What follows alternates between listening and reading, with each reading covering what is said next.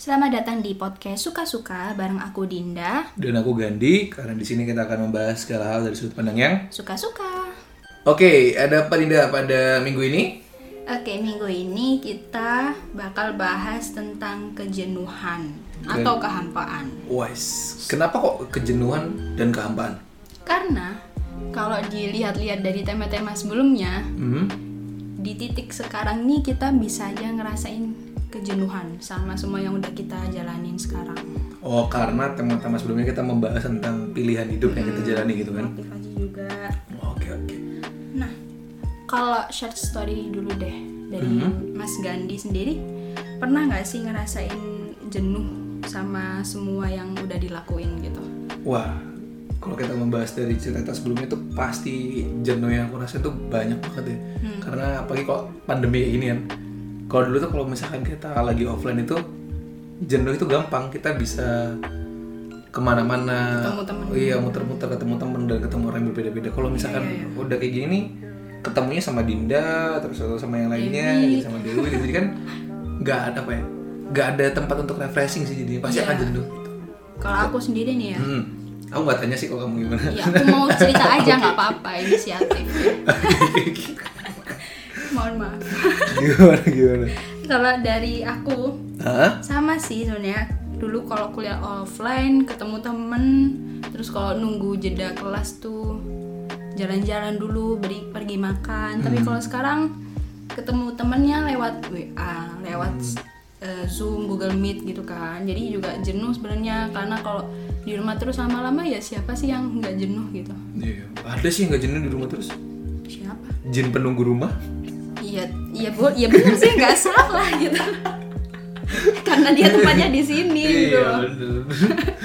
Nah, sebenarnya dari kehidupan kita itu kan nggak pernah terlepas ya yang namanya rutinitas. Jadi, eh, jadi di- dari rutinitas yang udah kita lakuin itu pasti kita ngerasain jenuh, apalagi kayak kita yang kegiatannya biasanya monoton dari pagi kuliah sampai sore bahkan ba- malamnya belajar. Kalau orang kerja berangkat pagi pulang sore, terus tiba-tiba ada corona, Hmm? semuanya langsung diubah cepet itu, jadinya ya gampang banget buat jenuh sebenarnya. Nah, Hmm, tapi aku ada itu sih. Ada satu kontradiktif nih. apa apa? Orang bilang bahwa sebuah kejenuhan itu karena dia tuh melakukan rutinitas yang sama. Bukankah berarti ketika dia melakukan suatu rutinitas yang sama itu berarti dia dalam zona, nyamannya dia? Ah, Karena dia sudah tidak ada kan kadang itu yang terjadi manusia itu juga benci sama yang namanya ketidakpastian. Iya. apa dia tuh selalu bergerak hidupnya tuh selalu berpindah-pindah dan orang bakal bakal capek juga tapi kejenuhan juga ketika dia dengan rutinitas yang sama dia bakal jenuh juga Hmm. nah kontradiktifnya adalah yang jadi paradoks adalah orang juga ada yang jenuh dengan hidup yang tidak pasti tadi yang dia saat ini harus ke A, saat ini harus ke B, saat ini harus ke C, tapi dia juga jenuh kayak gitu. Jadi dia kepengen settle down kayak aku pengen di rumah aja lah kan juga kayak gitu. Gimana? Iya ada kayak ada beberapa orang yang dia tuh jenuh karena dia nggak nemuin apa pilihan hidupnya gitu kan gitu ya. Hmm, kayak gitu. Iya itu juga bisa dibilang jenuh sih. Jadi kayak gimana ya? Kayak orang yang udah punya rutinitas aja bisa jenuh, apalagi orang yang nggak punya gitu loh. Bisa dia itu bisa aja capek cari apa sih pilihan hidupnya gitu. Waktu dia udah capek, eh ternyata malah dia nggak nyampe pilihannya, malah dia jadinya jenuh. Itu bisa banget. Nah, sedangkan orang yang rutinitas itu aja Hmm. bisa jenuh kan, itu bisa banget disebut sama burnout kok buat orang kerja ya, burnout. Berarti dia itu ya gosong ya? Iya terbakar gitu maksudnya. Kakak. Oh, iya. gimana tuh gimana tuh? Jadi burnout itu ada suatu keadaan di mana seseorang mengalami kelelahan entah mentalnya bahkan fisik yang bisa disebabkan oleh lingkungan sekitarnya. Kalau dari orang kerja kan biasanya entah ada tekanan dari atasannya, dan lingkungannya yang gak mendukung itu bisa banget kan bikin orang jenuh secara cepat gitu. Nah, itu juga sih yang jadi permasalahan juga. Tahu gak sih kalau misalkan sekarang kalau di Amerika dia itu serikat pekerjanya tuh dia ada yang namanya percaya dengan psikologi. Karena ketika dia burnout itu bukan cuma masalah kita harus rekreasi atau refreshing tapi juga karena berarti ada mentalnya dia tuh yang yang harus diistirahatkan gitu loh. Jadi bukan malah kadang itu yang aku tahu nggak tahu ini ya benar apa salah Ya. burnout itu ketika dia sudah burnout bukan masalah refreshingnya tapi masalah dia mengistirahatkan badannya jadi refreshing itu bisa jadi malah memicu dia untuk semakin kelelahan itu bisa juga nggak sih menurut Dinda? bisa di saat orang burnout itu bisa banget dia tuh udah istirahat cukup Hmm. udah olahraga udah makan minum yang sehat tapi dia tuh masih ngerasa kayak jenuh nggak nggak bisa ngapa-ngapain lelah itu normal banget sebenarnya Oh, oke, oke, oke. Terus terus gimana gimana? Jadi kalau itu tadi dari sisi orang yang kerja ya Hmm. kalau dari Mas Gandhi kan tadi orang di Amerika nih. Hmm. kalau aku yang pernah baca tuh di Jepang. Hmm. di saat orang itu kerja dari pagi terus waktu siang itu waktunya istirahat mereka benar-benar memanfaatkan waktu istirahat itu. Meskipun istirahatnya cuma 15 menit tapi mereka bisa memanfaatkan itu dengan baik gitu. Jadi misalnya mereka ngantuk ya udah mereka tidur tapi 15 menit mereka udah harus bangun gitu. Nah, nah sebenarnya itu juga bisa salah satu ini sih eh, solusi ya buat orang-orang yang burnout gitu hmm. waktu kerja jadi di saat dia udah ngerasa capek ya istirahat aja nggak apa-apa gitu loh jadi waktu istirahat yang dia punya itu bisa digunakan dengan sebaik mungkin sebenarnya Kalau dari aku sih gini sih. Kalau dari aku ya, Mm-mm. karena orang bisa burnout tuh karena gini dia tuh nggak tahu waktu ya dia nggak nggak bisa membagi hidupnya dalam beberapa waktu. Hmm. Gimana tadi yang kayak Jepang dia kan akhirnya dia bisa membagi hidupnya dalam dua waktu nih. Waktu kapan dia bermain, kapan waktu dia untuk untuk apa bekerja kan. Iya. Lah, yang terjadi sama orang-orang Indonesia sama mahasiswa itu dia tidak bisa membagi kapan waktunya dia untuk melakukan sesuatu, kapan waktu dia untuk berhenti melakukan sesuatu. Karena apa? Mahasiswa itu pikiran dia itu cuma tugas. Nah, itu juga yang jadi apa ya? Jadi di otakku itu aku selalu bilang jam 10 udah saatnya kamu tidur. Jadi mau sebanyak apa pun tugas, jam 10 kamu udah istirahat, iya.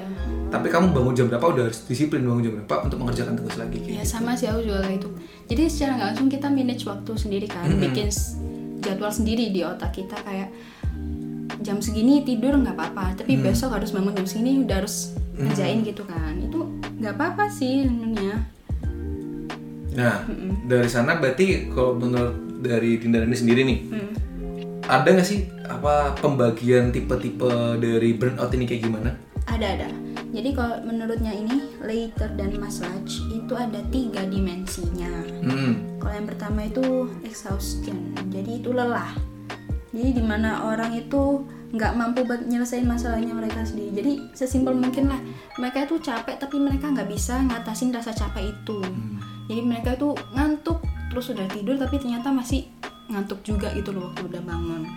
Itu eh, ya kayak aku katanya tadi di saat orang itu jenuh mereka itu udah istirahat, udah makan dan lain-lain, tapi mereka masih belum bebas dari rasa jenuh itu. Nah, itu juga tuh Hmm. yang aku pernah ngerasain itu bahkan sampai sekarang ini masih dalam titik aku berada di titik itu. Pernah nggak sih ngeliat itu tuh satu yang terkenal Apa-apa? dari artis artis Korea? Kim Jong Un? Eh bukan ya? Itu Korea Utara. itu tuh, yang namanya itu yang anak orang Korea dari Malang itu siapa? Korea Reomit. Karen Reomet itu kan dia pernah dalam keadaan itu kan Oh iya, dia cerita di YouTube. burnout terus kan akhirnya dia merasa kelelahan terus kayak Dia sampai ke psikiater kan. Hmm, kayak gitu. Aku juga pernah ngalamin dan bahkan sampai sekarang. Tapi kalau aku sekarang cara aku yang melakukan tuh dengan cara membagi waktunya dalam hal yang lebih kecil lagi. Jadi tiga jam bekerja, 30 menit istirahat. Jadi Iya. biar capeknya itu tetap bisa diistirahatkan gitu loh. Kayak gitu. Aku pernah baca sih waktu ngerjain tugas tuh efektifnya kalau kita mau belajar itu bisa banget 30 menit kita belajar 5 menit sampai 10 menit itu kita istirahat. Kalau mulai dari yang kecil ya kalau Mas Kandi tadi kan 3 jam nih. Nah bisa banget itu dari 30 menit kita belajar 10 menitan kita istirahat terus kita balik belajar lagi gitu Tapi masalahnya orang Indonesia itu dia tidak dia tidak stri- dia tidak disiplin dengan hidupnya. Dia Iya, bilang betul. 30 menit belajar, 30 menit itu 15 menitnya megang HP, 15 menitnya di depan layar. Jadi sama aja. satu laptop udah nyala tapi belum ngerjain. Iya sama aja. Jadi nggak bisa dihitung. Makanya aku pakai tiga jam karena aku mikir tiga jam itu berarti waktu efektifnya cuman sekitar setengah jam. satu setengah jam lah. Setengah jam itu keparahan. Iya jadi satu setengah jam lah. Berarti kan akhirnya nanti istirahatnya bener 30 menit. Kayak gitu harus tiga jam iya itu. bener sih. Nggak nggak salah ya. Emang orang-orang beda sih. Ah ah, bener. Kalau tadi udah bahas yang kelelahan Mm-mm. berikutnya itu sinisme. Sinisme. Ya Iya sinism. itu pokoknya. Jadi di sini itu ketika dia udah ngerasa lelah, dia itu mulai menarik diri dari lingkungannya. wah itu juga terjadi ke aku. Hmm. Cerita cerita deh cerita Aku pernah pernah ngalamin itu dan bahkan sebenarnya am, kelelahan ini kejenuhan ini masih dalam tahap diriku sendiri sih karena aku juga Iya, merasa iya. itu juga. Kenapa aku merasa dingin dan menjaga jarak tuh karena apa ya? Tadi karena dia udah lelah, jadi dia ngerasa buat aku sendiri, energi buat aku sendiri itu aja masih belum cukup gitu loh. Ngapain aku harus ngurusin emosi orang, ngurusin apa pun orang yaudah aku lebih baik tenggelam dalam dirinya sendiri. Beda loh sama dia tuh cenderung dingin sama orang yang dia itu emang orangnya introvert gitu. Iya, Intro- beda, beda. Kalau di sini emang karena dia tuh nggak punya energi aja untuk melakukan Mm, itu. makanya dia narik diri dari orang lain karena Hmm. kalau menurut aku ya kenapa dia menarik diri itu karena dia juga nggak nggak mau eh, ngerusak suasana gitu nggak sih Hmm. di saat orang lain itu nggak ngerasain jenuh tapi dia ngerasain jenuh ketika dia gabung ke orang lain takutnya dia malah mengganggu lah maksudnya kayak gitu Kalau yang aku tahu juga itu yang aku rasakan ya, itu itu effort untuk dia berpura-pura menjadi sama baiknya dengan yang lainnya itu terlalu besar. Akhirnya dia ya udahlah daripada aku berpura-pura baik-baik saja, lebih baik aku menarik diriku dan bisa kayak gitu. bisa Terus yang nomor tiga apa tuh? Kayak yang ketiga itu ineffectiveness. Jadi setelah menarik diri dari lingkungan nih, Hmm? Karena dia terlalu lama menarik diri, jadinya dia ngerasa nggak bisa ngelakuin apa-apa. Karena percaya dirinya itu dia kurang, Nah, hilang. Gitu. dan yang aku rasa ya putaran burnout ini ini itu adalah suatu lingkaran setan ketika kamu pertama udah lelah nih kedua kamu menarik diri lingkungan yang ketiga setelah kamu sampai menarik diri lingkungan kamu kan merasa tidak efektif nih Iya. dari situ kamu akan berusaha lebih giat lagi untuk melakukan suatu hal Hmm. akhirnya berujung lagi ke kelelahan Iya. itu jadi itu akan terus berulang terus Sebenarnya kayak gini sih, kayak gimana caranya buat terlepas dari itu. Tapi sebenarnya kita kalau jenuh tuh kita juga harus tahu gitu loh penyebabnya karena apa. Gitu. Nah, Jadi itu. kita biar bisa lepas dari itu. soalnya ada yang bilang gini nih kita kita kita nggak bakal rekreasi itu bukan menyelesaikan permasalahan apa pun yang kita lakukan itu tidak menyelesaikan permasalahan kalau kita nggak tahu penyebabnya itu apa Tuh. kalau dari Dinda itu penyebabnya apa jadi Kalau dari yang aku baca nih, Hmm? itu karena ada tekanan. Pastilah di mana-mana orang kalau jenuh itu pasti mungkin yang dikatakan pertama kali adalah ada tekanan dari orang lain atau dari dirinya sendiri gitu. nah itu juga sama nanti itu juga terdampak bahwa sebagus apa misalkan kita bekerja dalam suatu lingkungan yang itu passionku Mm-mm. itu kita bekerja dalam lingkungan yang di mana itu kita bisa bilang bahwa itu passionku tapi kalau misalkan itu passionmu tapi kamu tetap menekan dirimu bahwa aku harus bagus di sini ataupun lingkungan harus menekan kamu bagus di sini akhirnya sama aja mau sebagus ap- apa mau sebaik apa pun yang kamu jalani sekarang seindah apa pun yang kamu jalani sekarang pada akhirnya kamu bakal merasakan kejenuhan kayak gitu sih I- iya sih, kayak aku nih ya, kayak aku tuh pernah hmm? wak- padahal masih semester 2 nih ya. Hmm. Itu aku ngerasa kayak aduh apa aku salah, Salah, jurusan iya. gitu. Padahal masih semester 2 gitu. dan padahal itu kan pilihanmu kan Pilihanku sendiri. Iya. Di saat tugas banyak mikirnya langsung gitu. Itu yang sebenarnya nggak boleh gitu.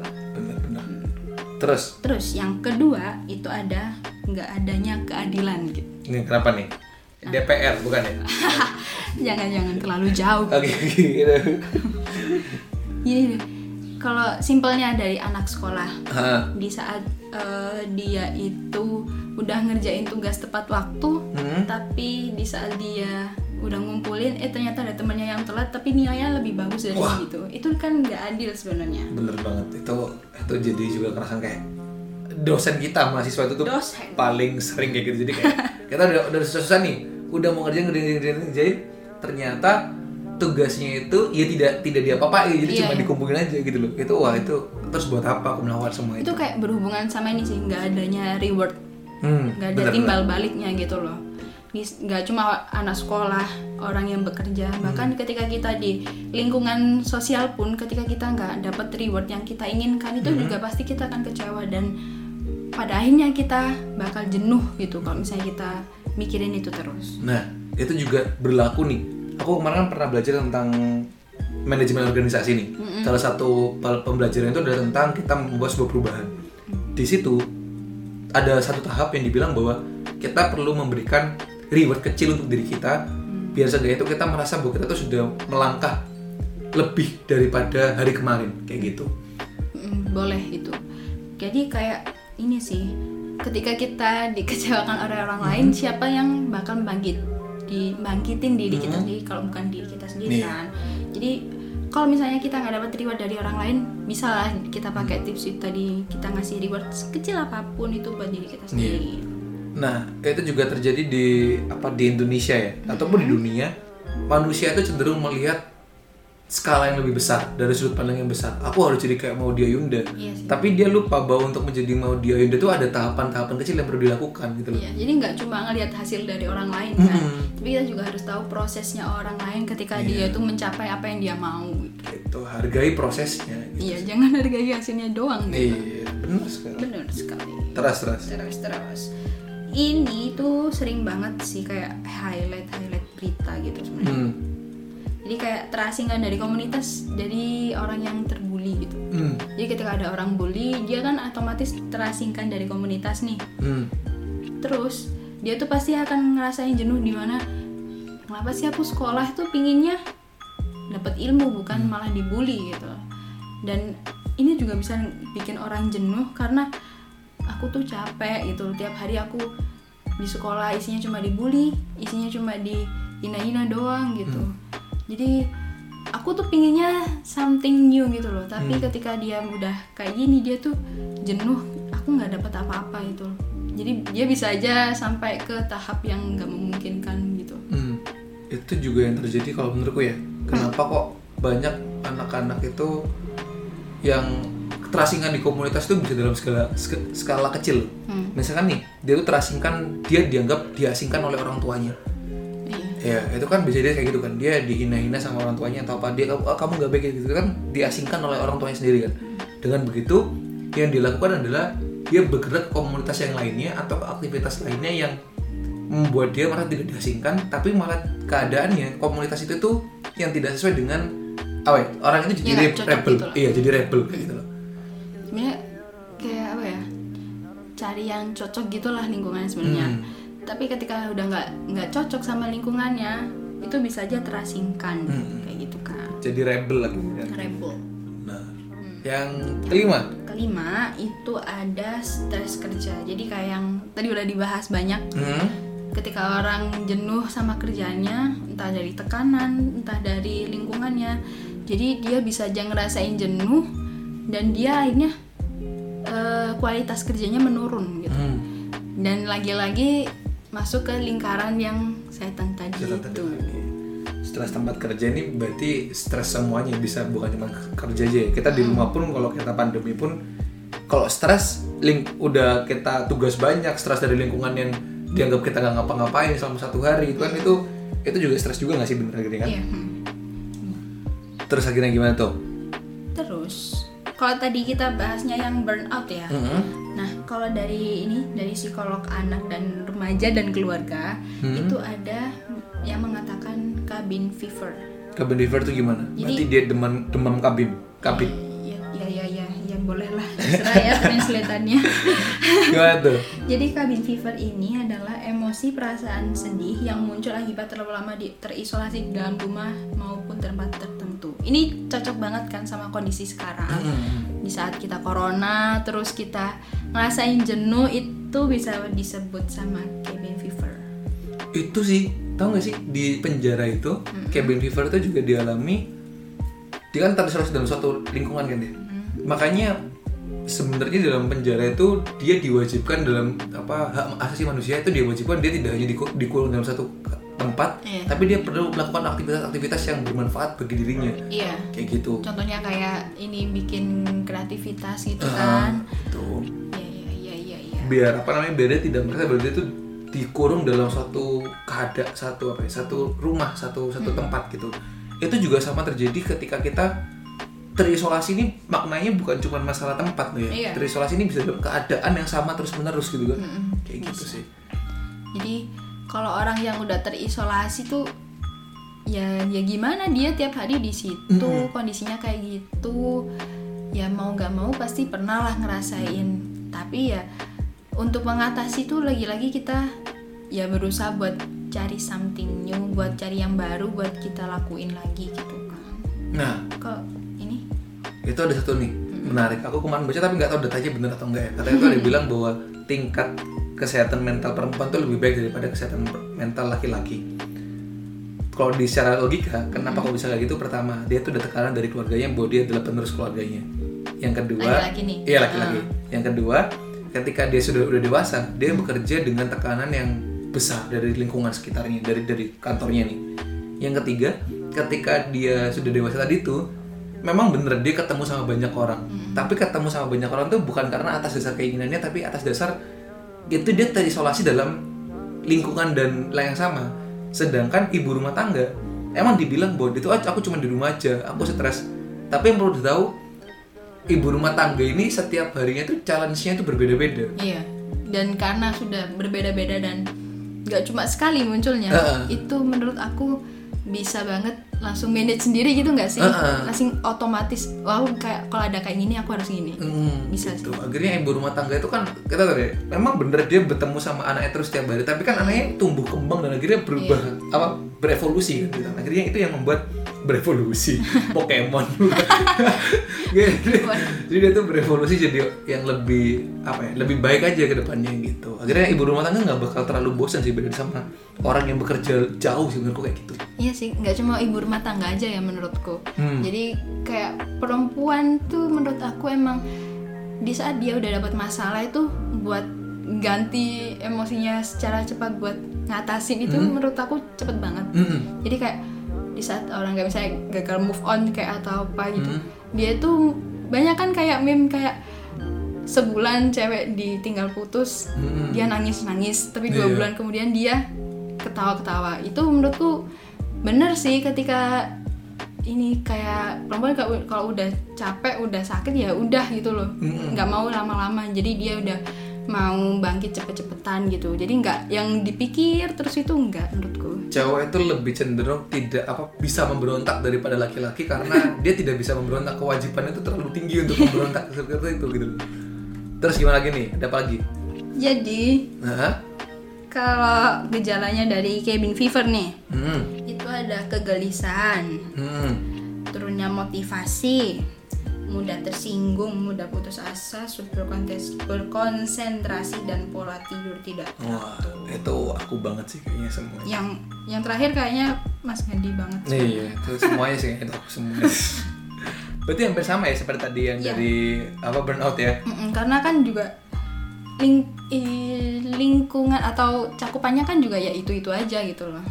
Bener bener, bener. kondisinya juga kayak gitu terus aku Terus? kemarin baca berita nih apa apa kalau di Kompas TV itu dibilang ada pandemi corona itu kan dia menyebabkan cabin fever kan. Ah. Tapi yang lucunya itu di beberapa di beberapa tempat itu bahkan sampai ada orang yang karena bosan terlalu lama belajar di rumah, jadi dia tuh nikah gitu.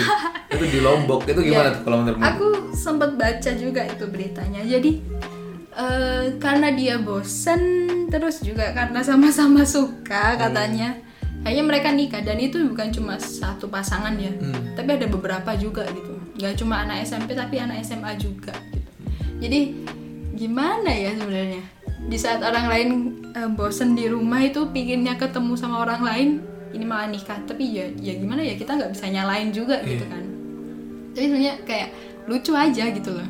Tapi itu sama kayak gini sih. Kita tuh kejadiannya dengan ketika dia menikah sudah dari sudut pandangku adalah dia itu bosan dengan satu keadaan yang berbeda, tapi dia tuh tidak menyelesaikan masalah itu, tapi dia berlari ke bosan ke kemungkinan bosan yang lainnya gitu loh. iya Dengan dia menikah kan bukan berarti kebosanannya bakal hilang iya kan? bener banget Nah, itu sih. bahkan mungkin bisa menimbulkan kebosanan yang Iya lainnya itu. gitu Jadi yang perlu dilakukan itu ketika kamu ini sama kayak gini deh.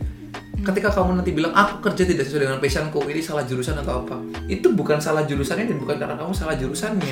ketika kamu sampai kamu pindah jurusan lain pun, Mm-mm. Kamu- nggak bakal menyelesaikan Iya. sebenarnya karena menyelesaikan. juga tantangannya juga bakal banyak iya sama besarnya empat tahun juga kan? empat tahun. iya sih bener Akhirnya nggak ada, ada yang aksel ya. Heeh. Dengan begitu berarti kan tadi, berarti kalau dari aku sendiri ya solusi yang aku punya itu kalau kayak gitu tadi itu pertama ya udah ketika ada tekanan kamu perlu tahu kapan waktunya kamu harus menerima tekanan kapan waktunya kamu untuk tidak menerima tekanan. Kayak gitu. Tadi kan penyebabnya tadi tekanan kan. Yang Iya. kedua gimana cara kalau kita tuh terkukung dalam satu isolasi tempat kayak gini nih. Hmm. pertama adalah kalau bisa kayak di Google nih. Di Google ataupun di startup yang lainnya dia tuh dalam satu kantor kerjanya itu dia punya berbagai tema tempat yang berbeda-beda. Jadi ketika di tempat kerja dia ada, ada banyak nih ada tempat kerja yang duduk, berdiri ataupun apa sama Iya, iya. gitu. Atau sudut rumahmu tuh dibikin suasana itu berbeda tiap sudut rumah. Iya bisa banget itu. Jadi kayak ketika kita bosan di suatu tempat kita bisa pindah gitu Hmm. kan dan juga nggak menghilangkan kewajiban kita. Dan itu kayak misalkan di satu sudut isinya ada pocongnya, jelangkung Jangan ya. gitu-gitu. Tidak konsen malah. kan biar ya. suasana bisnis kan berbeda kan dia Jangan saya takut. tegang. Nah, kalau dari Dina sendiri solusinya gimana nih? Kalau dari aku ya simpel sih sebenarnya. Hmm? Jadi kayak em, kita cari tahu penyebabnya apa. Kalau kita udah tahu penyebabnya apa, ya kita eh, berusaha kayak membenahi diri gitulah Hmm. menurutku ya. Jadi kayak oh misalnya aku dapat tekanan nih waktu misalnya aku kerja gitu ya dapat Hmm. tekanan, dilihat dulu kok bisa dilanjutin, maksudnya masih bisa dibenerin dan masih bisa lanjut di suatu tempat itu ya lanjut gitu loh. Hmm. Tapi kalau misalnya kita tahu ternyata kayaknya ini buat jangka panjang enggak deh gitu. Hmm. Ya udah ditinggal aja mending gitu. Eh, kayak tema kita sebelum-sebelumnya itu tentang pilihan ya. Jadi kita itu harus tahu ya itu pilihan hidup kita gitu loh. Jadi kita berhak milih kita mau lanjut atau pindah gitu. Mantap sekali. Terus kalau dari itu sendiri nih, menurutmu sendiri gimana sih apa ya cara yang tepat tepat sendiri kalau kamu jenuh itu kamu mau kayak gimana? Ini buat aku sendiri nih. Hmm. Kalau dari aku sendiri itu istirahat. Oh, Oke. istirahat bener-bener di relaxin pikiran jadi kalau udah bener-bener relax ya kita kalau aku ya lebih ini sih eh, tanggunganku apa aja jadi aku berusaha kayak buat listnya terus aku buat jadwalnya jadi hari Senin sampai Minggu itu aku bakal bagi-bagi semuanya jadi aku buat ini sih kayak terhindar dari jenuh ya jadi kayak nggak cuma seharian itu langsung ngerjain tugas banyak besoknya nggak ngapa-ngapain jadi kayak biar tiap hari tuh ada produktifnya gitu kalau aku Bener-bener. kalau dari Mas Gandhi Aku ada satu sederhana sih. Mm-mm. Berhenti bukan berarti melarikan diri, tapi Iya. untuk mempersiapkan diri lebih kuat lagi. Mantap Jadi kalau jenuh itu berhenti dulu, tapi bukan untuk kamu melarikan diri dari semua yang kamu lakukan sekarang, bukan berarti kamu pindah jurusan, bukan berarti kamu pindah pekerjaan atau Mm-mm. berhenti dari hubunganmu yang sekarang kamu bosan, tapi untuk kamu mempersiapkan diri untuk kamu tarik napas, terus kamu mikir kenapa aku bisa bosan, terus gimana cara ngatasinya. iya lagi-lagi kayak aku pernah nih kan konsultasi ke ini ke BKM jadi kayak Ah. badan konsultasi mahasiswa jadi di situ eh, setelah aku cerita terus aku sempat ditanyain juga kalau menurut kamu solusinya gimana sih kalau buat keluar dari permasalahan kamu? Soalnya aku nyebutin nih solusi yang kira-kira bakal aku lakuin. Dan ternyata ketika udah selesai eh, konselornya itu juga bilang sebenarnya kami di sini tuh juga tugasnya cuma buat membantu kalian buat nemuin eh, solusi. Jadi yang menemukan solusi itu juga kalian sendiri gitu. Jadi nggak cuma pada satu orang yang mengatakan solusi tapi ya kita harus menyesuaikan diri kita sendiri buat solusi yang tepat buat diri kita sendiri karena kondisi kita kan juga berbeda-beda kayak gitu Gitu. Jadi kalau jenuh tuh jangan cari informasi ke orang lain, tapi Betul. tarik napas dulu terus pikir sendiri. betul Gitu. Kadang otak sama hati itu otak ini kepingin sesuatu, tapi dia lupa kebutuhannya itu apa gitu. Iya, Kayak iya. gitu. bener sih Nah, kalau dari kamu nih, eh kita berandaikan menang- menganalogikan jenuh itu apa menurutmu nih? jenuh Ini menurut- penutup ya, ini penutup ya berarti ya. kok jenuh itu menurutku kayak ini sih kayak pertigaan gitu kayak Gimana simpangan gitu jadi kita jenuh kita tuh ada banyak jalan jadi kita Hmm. mau milih buat menghindar mau putar balik atau kita mau belok ke yang kita mau pindah aja atau Hmm. mau kita lurus nih Hah, mau kita ngelanjutin apa yang udah kita punya gitu Oke. Mantap sekali. Ini udah dipikirin berarti ini. nih. enggak sih wow nyambung Kalau dari aku, aku sederhana. Jenuh itu sebenarnya mudah kok. hmm. Ma- kalau dibilang rutinitas, kita setiap hari dari kecil kita makan nasi, kita setiap hari makan tempe, setiap hari kita minum gula, minum Ma- minum yang manis-manis, gitu kan, minum Iya, yang iya. manis-manis. Tapi kita nggak pernah jenuh sama itu. iya sih Tahu nggak kenapa? Karena secara sederhana kita tahu bahwa kita tuh butuh itu. Nah yang perlu kita lakukan tuh bukan orang jenuh itu karena dia menginginkan sesuatu terus menerus dia dilakukan dan akhirnya nggak dapat apa-apa kita tahu bahwa kamu apakah kita memang pernah kita pernah bosan beribadah kita pernah bosan untuk makan tapi apakah kita berhenti dari itu enggak Enggak. Karena kita tahu keputusan kita untuk makan adalah karena kita butuh itu Hmm. jadi kalau ketika kamu jenuh tanyakan sama dirimu kamu butuh itu atau enggak Nah, jadi kan kita tanya ke diri kita sendiri Hmm. kan. itu sih Karena solusi yang tahu yang solusi yang tepat buat kita ya cuma diri kita sendiri yang tahu gitu loh. gitu gimana udah selesai semua Sudah, oke kita tutup kita tutup. pada kesempatan kali ini aku ada satu pesan buat teman-teman deh Apa tuh? Boleh. buat teman-teman yang merasa jenuh entah sama pasangannya sama sama pekerjaannya sama tugas-tugasnya atau dengan segala beban hidupnya Iya.